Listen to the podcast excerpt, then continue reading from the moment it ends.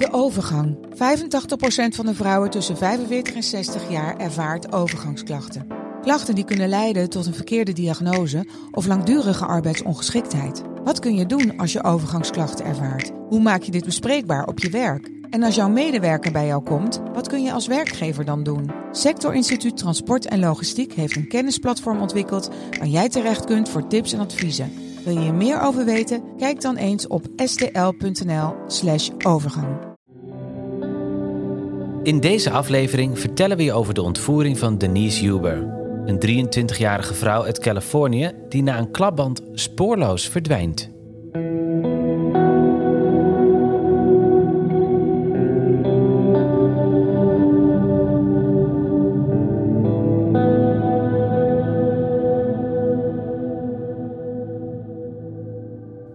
Je luistert naar de start van het vierde seizoen van de podcast Ontvoerd. Ik ben Maya Noordam en ik zit hier samen met Kevin van den Berg.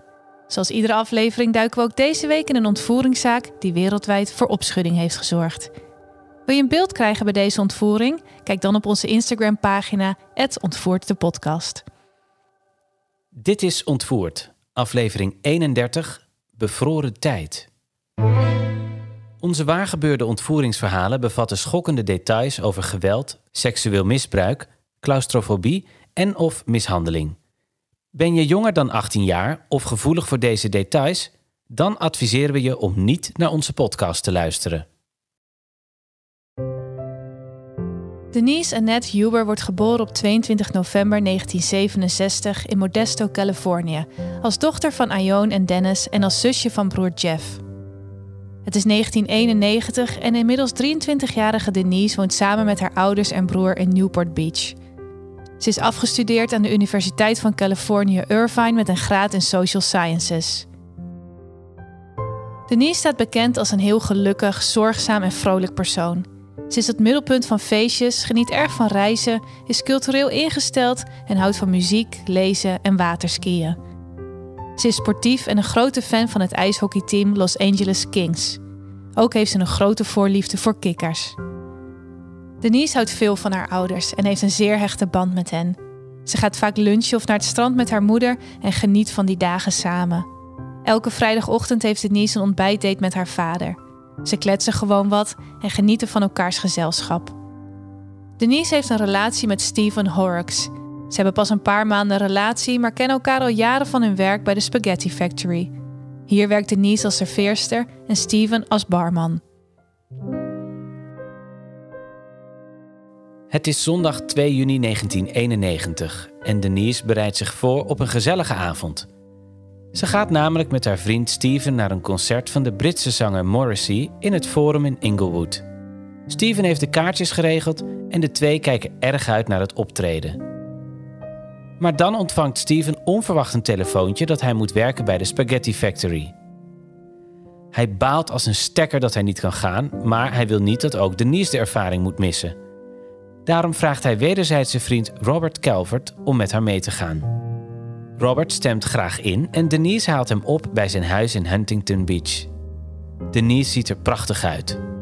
Ze is sowieso een aantrekkelijke vrouw, maar ze heeft nu extra haar best gedaan voor het avondje uit. Ze heeft een mooie jurk aan, een zwarte panty en hoge hakken. Robert en Denise weten allebei hoe duur de drankjes bij concerten zijn, dus tijdens de rit naar het concert stoppen de twee om wat inkopen te doen. Ze halen wat sinaasappelsap, een kleine fles wodka en een zak pretzels. Wanneer ze vervolgens rond 8 uur arriveren bij de concertlocatie, blijven ze even in de auto zitten om een paar shotjes wodka te nemen en wat sinaasappelsap te drinken. Dan is het tijd voor het concert en de twee hebben het enorm naar hun zin. Na afloop van het concert, rond 11 uur, gaan Denise en Robert naar El Paso Cantina aan de Pacific Coast Highway in Long Beach. Hier drinken ze nog wat biertjes, waarna ze rond half twee besluiten om weer naar huis te gaan. Het is een geweldige avond geweest en ze hebben allebei genoten, maar morgen moeten ze weer werken. Denise brengt Robert terug naar huis net na twee uur s'nachts en vertrekt dan de nacht in terug naar haar ouders. De volgende ochtend worden Denise's ouders wakker en realiseren zich dat Denise niet is thuisgekomen. Ze maken zich meteen grote zorgen. Haar moeder, Ione, belt Denise's beste vriendin Tammy Brown omdat ze hoopt dat ze daar naartoe is gegaan. Maar Tammy heeft geen idee waar Denise is. Dit gedrag is totaal ongebruikelijk voor Denise, dus ook zij is direct ongerust. Tammy belt rond naar vrienden, inclusief Robert, die de vorige avond bij het concert met Denise is geweest. Maar niemand heeft haar gezien. Denise is verdwenen. Tammy is zo bezorgd over haar beste vriendin dat ze begint rond te rijden om te zien of ze ergens een teken van haar kan vinden. Ze rijdt naar Huntington Beach en op weg terug naar Newport Beach rond 10 uur ziet ze Denise's Honda geparkeerd staan op de vluchtstrook van Highway 73. Dit is slechts enkele minuten verwijderd van Denise's huis. Wanneer Tammy naar de auto kijkt, ziet ze dat Denise duidelijk een lekke band heeft gekregen. Er zijn remsporen die naar het voertuig leiden en een van de achterbanden is plat. Maar Denise is nergens te bekennen. Tammy rijdt direct naar de dichtstbijzijnde telefooncel en belt Denise's ouders om hen te laten weten dat ze de auto heeft gevonden. Ione en Dennis gaan meteen naar de plek waar Tammy de auto heeft gevonden. Wanneer ze bij de auto van hun dochter aankomen, merken ze op dat er geen lichten branden, binnen of buiten de auto, en dat de sleutels niet in het contact zitten. De batterij is volledig leeggelopen doordat de alarmlichten waren blijven branden. Ze besluiten om direct de politie te bellen, die binnen de kortste keren arriveert. De officier die de zaak behandelt begrijpt al snel dat Denise na de lekke band haar auto moet hebben verlaten om hulp in te schakelen. Ze vermoeden dat ze langs de goed verlichte weg richting de dichtstbijzijnde telefooncel is gelopen, die al zichtbaar is vanaf de auto. Maar het lijkt erop dat Denise nooit bij de telefooncel is aangekomen. De jonge vrouw is nergens te bekennen. Het lijkt alsof ze in het niets is opgelost.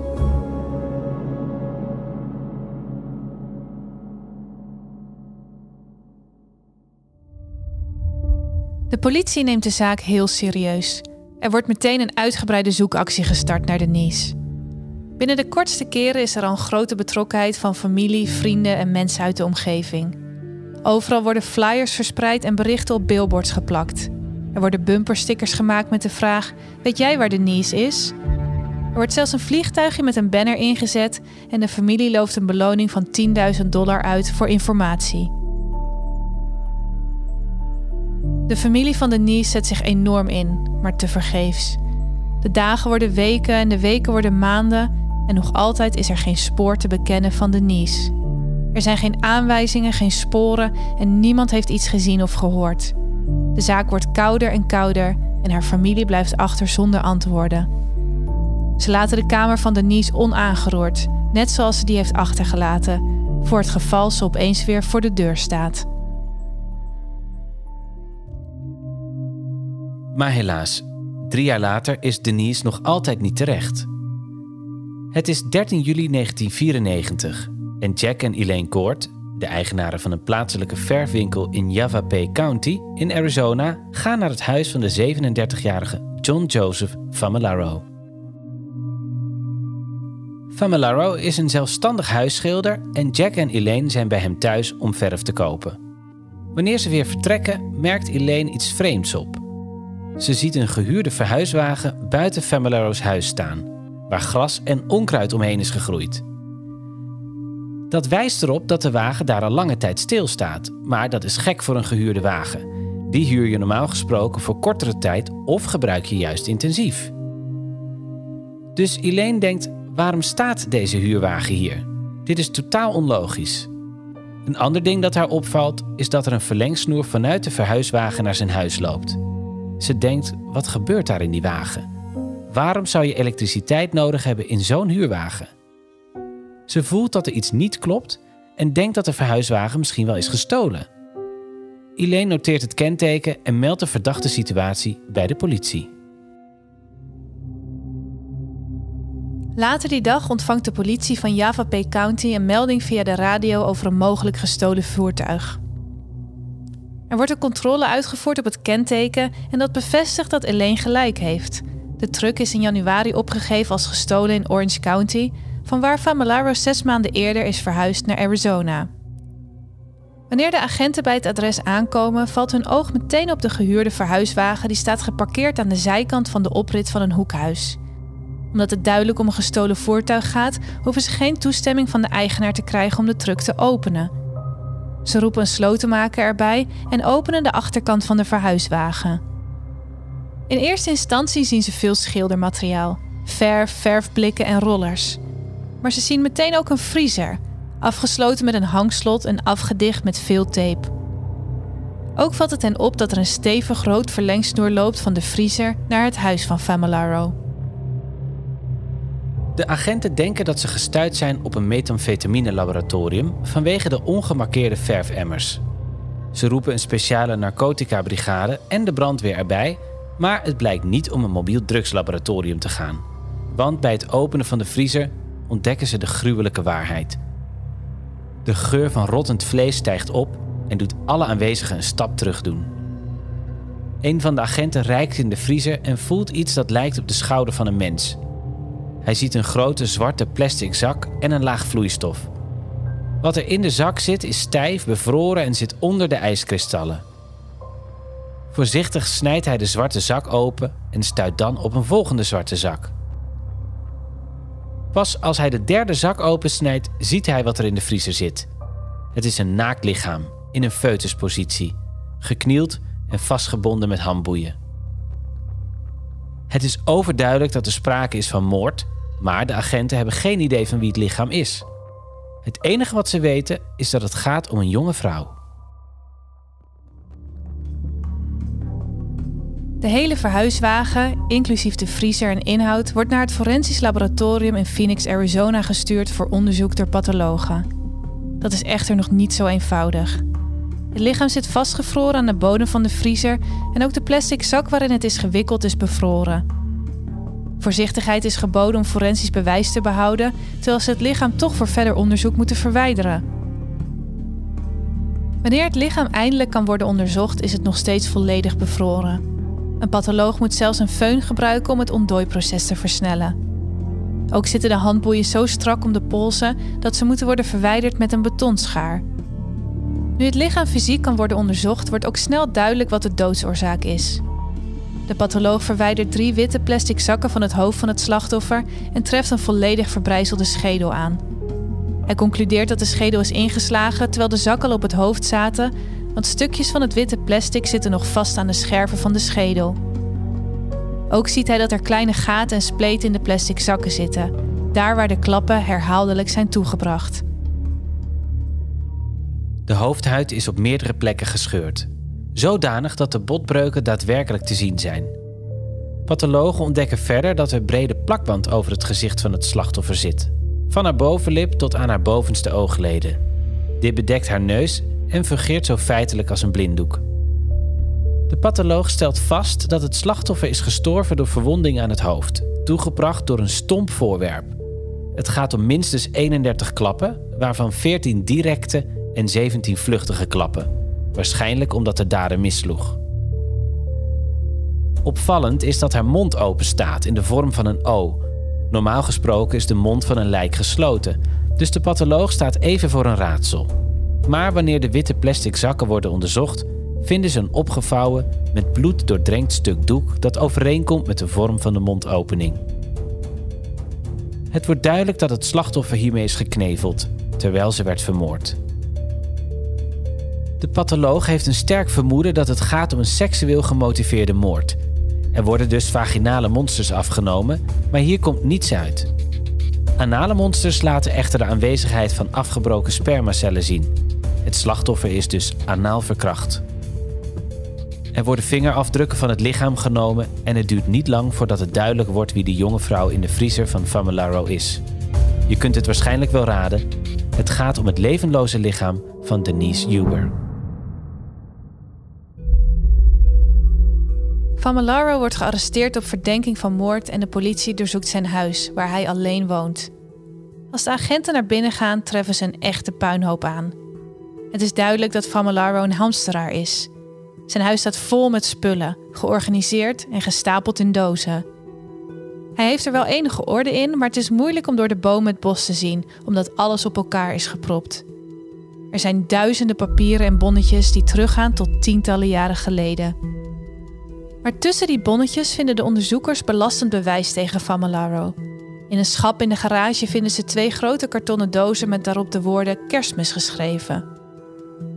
Onmiddellijk wanneer ze de dozen openen, worden ze getroffen door dezelfde rottende geur als in de vriezer. In de dozen vinden ze grote zwarte vuilniszakken, dezelfde soort als de zakken die het lichaam bedekten. Ook zien ze kleinere dozen met verschillende items, waaronder een vrouwenspijkerjasje met bloedvlekken, een jurk, autosleutels, een zwarte tas, een zwarte leren portemonnee met creditcards en een checkboek op naam van Denise Huber. In een andere doos vinden de agenten nog meer spullen van Denise, waaronder een make-up spiegel, een set sleutels met daarin een Honda-sleutel en een paar zwarte pumps met hoge hakken. Diverse items zijn bevlekt met bloed. Famolaro lijkt alles te hebben bewaard. Ze vinden een paar herenjeans die qua maat overeenkomen met andere spijkerbroeken in zijn garderobe, samen met een sweatshirt en chirurgische handschoenen, allemaal bedekt met bloed. Het lijkt de kleding te zijn die hij droeg toen hij Denise van het leven beroofde. Agenten vinden zelfs een met bloed bevlekte hamer en een spijkertrekker in de dozen, waarvan wordt vastgesteld dat deze overeenkomen met de verwondingen van Denise. Verder vinden ze een rol grijze ducttape die hetzelfde is als de tape die is gebruikt om Denise te blinddoeken. Ondertussen vinden ze in de lade van Famelaro's bureau sleutels die passen op de handboeien die Denise droeg. Ze treffen een stapel kranten met verhalen over Denise's verdwijning. Eén verhaal toont een foto van haar ouders op de locatie waar de auto is gevonden. En achter hen staat een reclamebord met de tekst: Heb je Denise Huber gezien?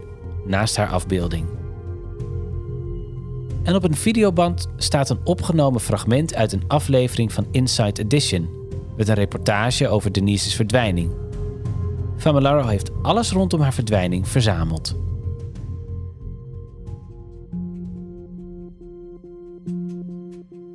Onderzoekers vinden zelfs een bond voor de vrieskist. Deze heeft Famolaro gekocht op 10 juni 1991, een week na de verdwijning van Denise.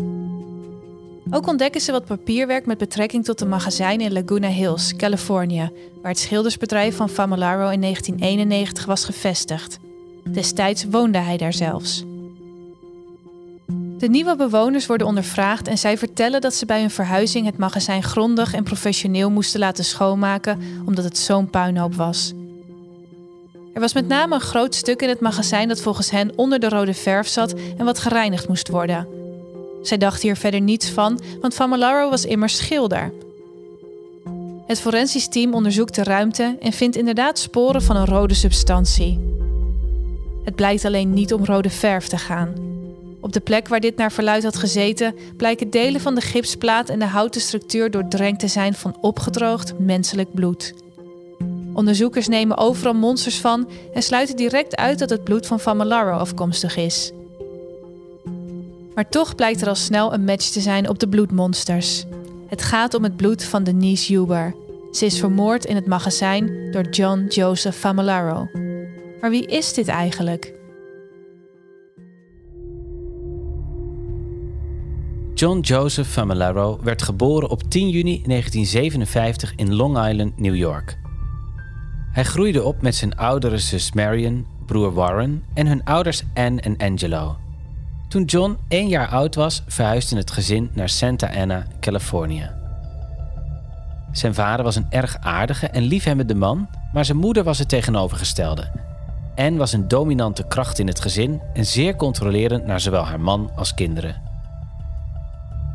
Zo leek ze er ook bijzonder van te genieten om haar zoons te slaan met een riem als straf. De Famelaro's waren een zeer religieuze katholieke familie. En leek met de jaren fanatieker religieus te worden en was strak conservatief. Haar stijl van ouderschap was zeer inconsistent. Soms deed ze even lief, waarna ze onverwacht weer begon met slaan of negeren. John Famolaro was een ziekelijk kind en dit zorgde ervoor dat hij werd gepest. Zijn broer, zus en hij speelden eigenlijk nooit met andere kinderen uit de buurt omdat ze zich schaamden voor hun huis. En was namelijk een hamsteraar en het huis stond vol met opgestapelde papieren en rotzooi. Een eigenschap die John later van haar overneemt. Het was een dysfunctionele familie. Toen zus Marion ongeveer 11 jaar oud was, probeerde haar 18 maanden oudere broer Warren haar herhaaldelijk aan te randen. Het incestueuze gedrag werd echter nooit besproken, want Anne weigerde om over seks te praten. Wel had ze een ongepaste obsessie voor de seksuele ontwikkeling van haar zoons. Zo stormde ze s'avonds onaangekondigd hun slaapkamer binnen om ze te betrappen op masturbatie, zodat ze hen kon uitschelden of beschimpen voor hun gedrag. Ook bleef ze de jongens in bad doen tot hun tienerjaren, waarbij ze extra goed opletten als zij hun genitaliën wasten. Ook mochten ze geen seksuele voorlichting krijgen of iets op tv kijken wat meer intiem was dan handen vasthouden. Zijn opvoeding heeft veel impact op John. In zijn tienerjaren wisselen periodes van manie en depressie zich af en hij ontwikkelt spiertrekkingen in zijn gezicht, net als zijn moeder. Dit is ook het moment dat hij het hamstergedrag van zijn moeder kopieert door tijdschriften en papieren te verzamelen en op te bergen in zijn kamer. Als volwassene wordt zijn broer Warren veroordeeld voor misdrijven met kinderen en hij wordt uiteindelijk opgenomen in een ziekenhuis voor geesteszieken. Ook John gaat zorgwekkend gedrag vertonen. Wanneer agenten contact opnemen met zijn ex-partners, geven beide aan dat hij ervan hield om hen te vernederen. Zo ging een van hen met hem op vakantie naar New York voor haar verjaardag. Ze waren in het hotel en waren wat aan het dollen. Hij had haar gekieteld, waardoor haar nachtjapon opeens omlaag gleed. Het leek erop dat dit voor hem een trigger was. Hij raakte meer opgewonden en begon heel ruw te worden. Voordat ze het doorhad, stond de vrouw opeens geboeid aan een stang bij het raam van het hotel. Familaro trok haar nachtjapon uit, opende de gordijnen, liep de hotelkamer uit, lachte en liet haar daar urenlang naakt en volledig zichtbaar achter.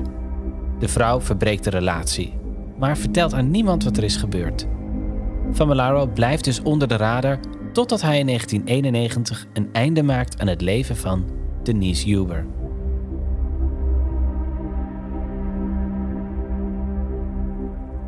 Natuurlijk wordt Familaro beschuldigd van moord met voorbedachte raden en daarnaast ook van ontvoering en sodomie, oftewel anale verkrachting. Ondanks de verbluffende hoeveelheid bewijs pleit Familaro niet schuldig. Dit betekent dat er een moordproces gestart moet worden, waardoor de afschuwelijke situatie voor de familie van Denise nog verder doorgaat. Het is mei 1997. In Orange County begint het proces tegen Familaro en de aanklager deelt zijn versie van de gebeurtenissen in de nacht van de verdwijning van Denise. Denise was op weg naar huis nadat ze vriend Robert had afgezet na een gezellige avond bij het concert en in de kroeg. Toen ze merkte dat ze een lekke band had opgelopen, zette ze de auto aan de kant om hulp te halen. In de verte zag ze al de telefooncel die ze kon gebruiken om iemand te bellen.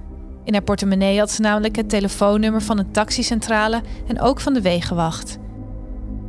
Familaro reed op dat moment rond op zoek naar een slachtoffer. Hij zag een jonge vrouw lopen langs de weg, Denise. Hij stopte zijn auto naast haar, pakte een hamer en stapte uit. Hij sloeg Denise met de hamer en sleepte haar naar zijn auto. Hij deed haar handboeien om en nam haar mee terug naar zijn magazijn, waar hij haar anaal verkrachtte.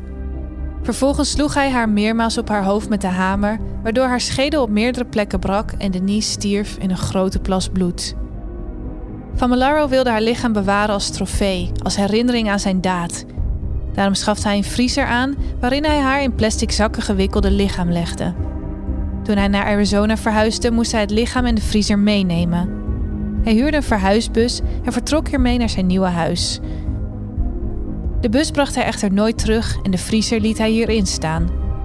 Als echte hamsteraar koos hij er ook voor om haar bezittingen, zijn wapens en de kleding die hij droeg tijdens de moord te bewaren. Hij bleef onder de radar totdat Jack en Elaine bij hem aan de deur kwamen om verf te kopen.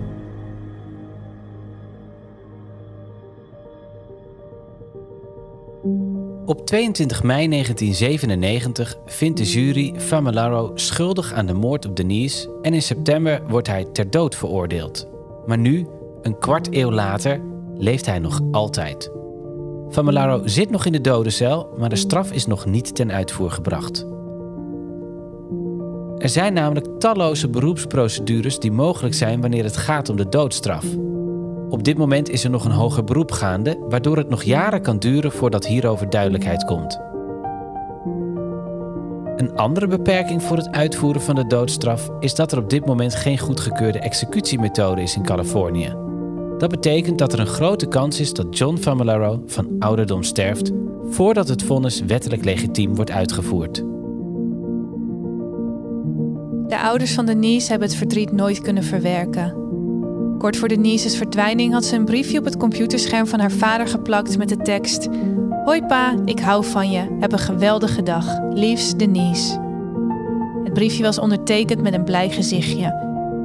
Haar vader zei later dat hij dat kleine stukje papier voor geen goud zou willen ruilen.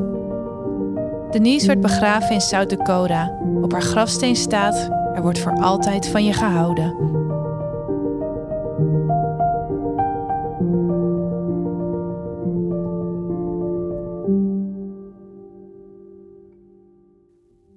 Tot zover het ontvoeringsverhaal van Denise Huber. Wil je een beeld krijgen bij Denise, haar ouders, Robert en ontvoerder John Familaro? Kijk dan op onze Instagram-pagina, ontvoert de podcast. Volgende week hoor je over de ontvoering van Jessica Lunsford, een negenjarig meisje uit Florida dat uit haar slaapkamer wordt meegenomen en van de radar verdwijnt. Tot dan.